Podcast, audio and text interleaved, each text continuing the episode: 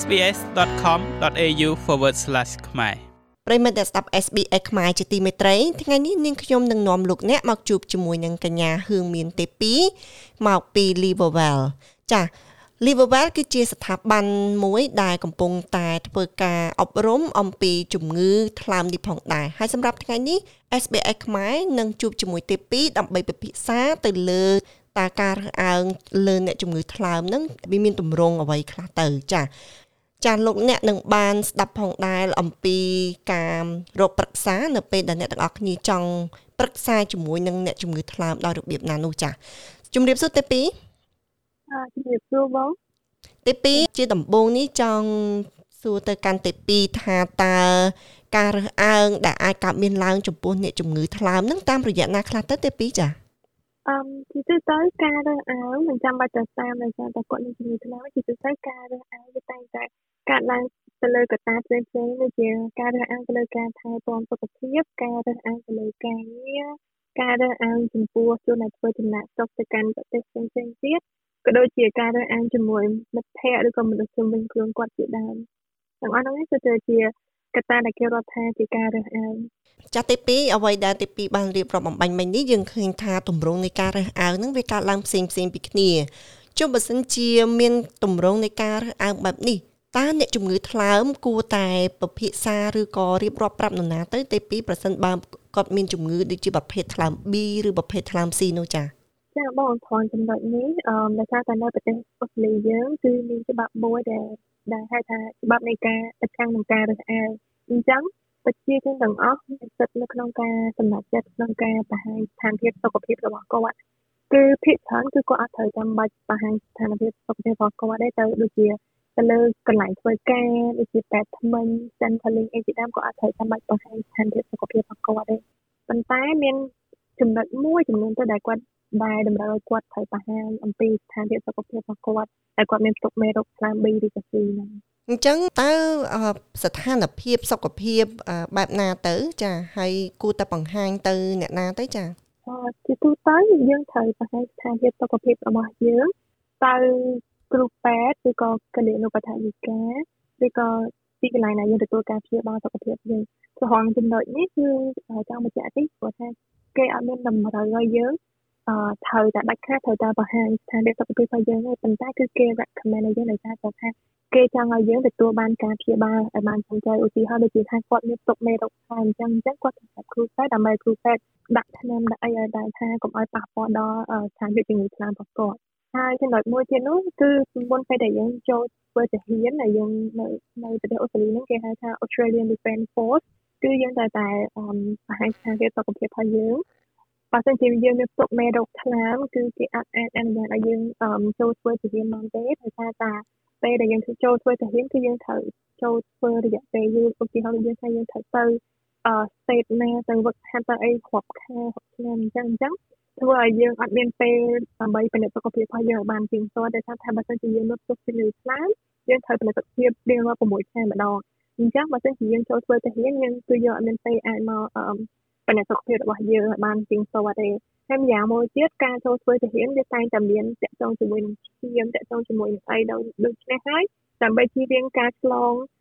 ឬក៏ថាការប៉ះពាល់ឈាមហ្នឹងទៅដល់អ្នកដទៃគឺគេអត់អនុញ្ញាតឲ្យអ្នកដែលមានទុកមេរោគសាញ់ធ្វើជាទាហានទេហើយចំណុចបន្ទាប់នោះគឺក្រុមហ៊ុនធានារ៉ាប់រងដោយសារតែក្រុមហ៊ុនធានារ៉ាប់រងវាមានតាក់ទងជាមួយនឹង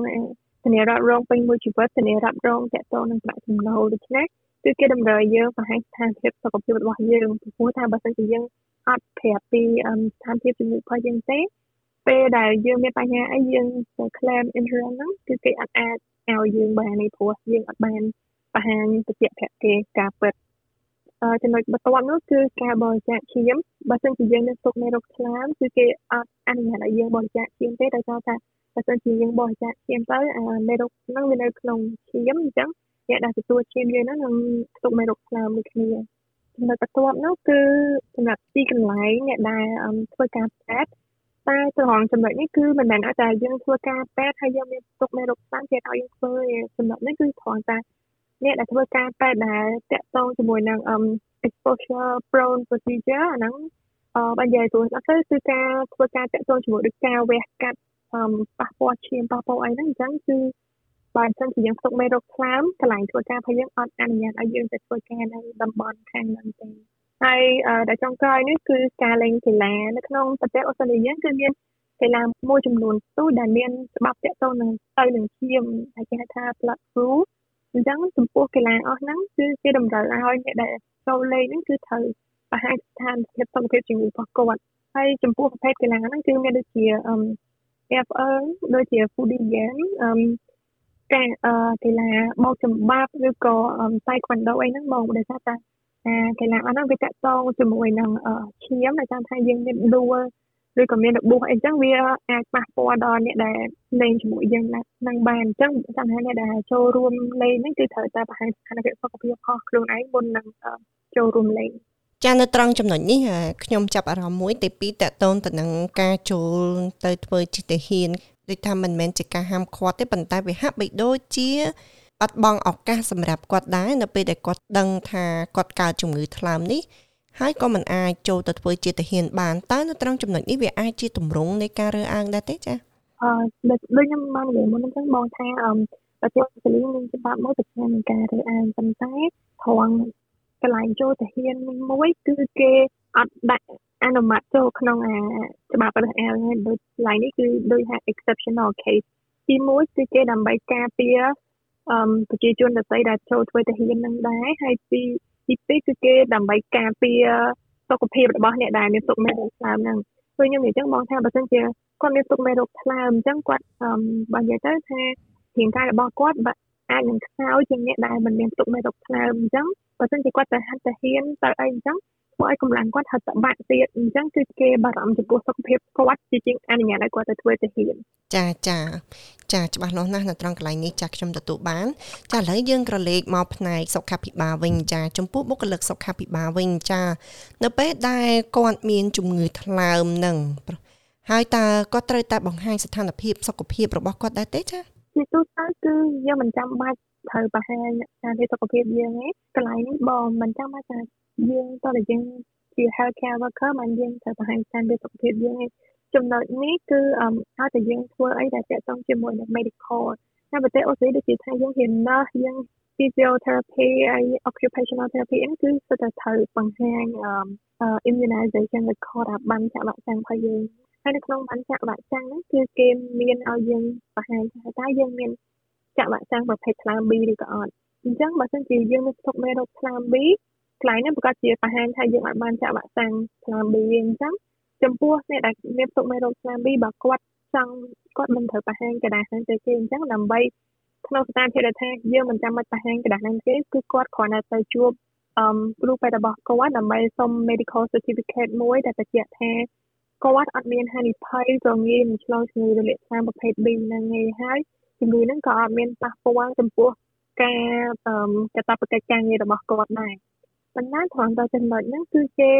ចង់ឲ្យគាត់ទៅ consult get ask for advice ជាមួយនឹង specialist ជាជាង GP ដែលសារតែថា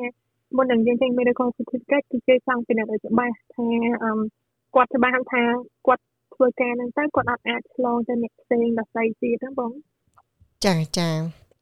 តើនៅក្នុងការដែលយើងបង្ហាញស្ថានភាពសុខភាពនេះចាំបាច់ដែរទេចា ការបង្ហាញស្ថានភាពសុខភាពគឺអត់ចាំបាច់ទេប៉ុន្តែបើសិនជាយើងបង្ហាញស្ថានភាពសុខភាពរបស់យើងទៅគឺវាជួយបន្ថយអត្រានៃការចម្លងទៅអ្នកដទៃដោយមិនបានដឹងខ្លួនហើយក៏វាបង្ហាញការយល់ដឹងក៏ដូចជាទទួលបានការគ្រប់គ្រងពីអ្នកជុំវិញខ្លួនដែរហើយចំពោះដែលថាមានទុកមេរោគថ្លើមហើយគាត់មានបំណងចង់ថាមានផ្ទៃពោះឬក៏ចិត្តសម្រាប់កូនអីចឹង គាត់គួរតែបង្ហាញស្ថានភាពសុខភាពរបស់គាត់ដោយសារតែថាអីពេលដែលម្ដាយមានទុកមេរោគថ្លើមកូនកើតមកគឺត្រូវតែចាក់វ៉ាក់សាំង4ដងជាទូទៅស្រីមានផ្ទៃពោះពេលកូនកើតមកគឺចាក់វ៉ាក់សាំងតែ3ដងឯងបងប៉ុន្តែបើសិនជាម្ដាយមានទុកមេរោគថ្លើមប៊ីគេតម្រូវចាក់វ៉ាក់សាំង4ដងទៅលើទារកដោយសារតែអីគឺគេជួយអាវ៉ាក់សាំងទី4ហ្នឹងគឺដើម្បីការពារទារកកុំឲ្យឆ្លងមេរោគថ្លើម B ពីម្ដាយហើយដែលចុងក្រោយនេះគឺ ជួយពង្រឹងការថែទាំសុខភាពរបស់គាត់ឲ្យបានល្អដោយសារដូចថាបើគាត់មានទុកមេរោគថ្លើម B ហើយគាត់ទៅជួបគ្រូពេទ្យគាត់បង្ហាញស្ថានភាពសុខភាពរបស់គាត់ទៅគ្រូពេទ្យគ្រូពេទ្យជួយណែនាំអំពីរបៀបរស់នៅឬក៏ផ្ដល់ការព្យាបាលអីឲ្យគាត់ត្រូវគាត់មានសុខភាពល្អចាអរគុណទេពីចាត្រង់ចំណុចមួយទៀតអំបញ្ញមិញនេះយើងទៅចែកមកច្រើនហើយតកតូននឹងតម្រងនៃការរើសអើងហើយភាពចាំបាច់នៃការបង្ហាញថាតើយើងមានផ្ទុកមេរោគថ្លើមឬអត់នោះ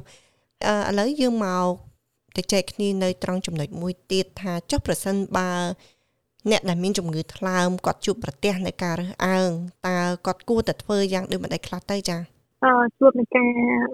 រើសអើងដោយសារតែគាត់មានទុកមេរោគថ្លើមពួកយើងខាង Liverpool គឺពួកយើង recommend ឲ្យគាត់និយាយទៅកាន់បុគ្គលឬក៏កន្លែងដែលគាត់ធ្វើការហ្នឹងថាអឺនៅប្រទេសអូស្ត្រាលីគឺគេមានច្បាប់ខាងការរើសអើងនឹងឯងរើសអើងហ្នឹងគឺខុស ប៉ុន្តែបើសិនជាគាត់គិតថាគាត់អាចអាចមានលទ្ធភាពអាចទៅហ៊ានតតាំងឬក៏និយាយជាមួយបុគ្គលហ្នឹងឬក៏នៅកន្លែងធ្វើការហ្នឹងគាត់អាច reach out ទៅ organization ផ្សេងផ្សេងដូចជាគាត់អាចតាក់ទងខាងក្រសួងយុទ្ធភ័ពនិងសុខភាពសហគមន៍ Department of Justice and Community Safety អាចតាក់ទងបានទៅគណៈកម្មាធិការសិទ្ធិមនុស្សដែលយើងហៅថា Victorian Equal Opportunity and Human Rights Commission ឬក៏អាច គាត់អាចតាក់ទងមកអង្គការសុខភាពថ្លើមរបស់យើងផ្ទាល់ Liverwell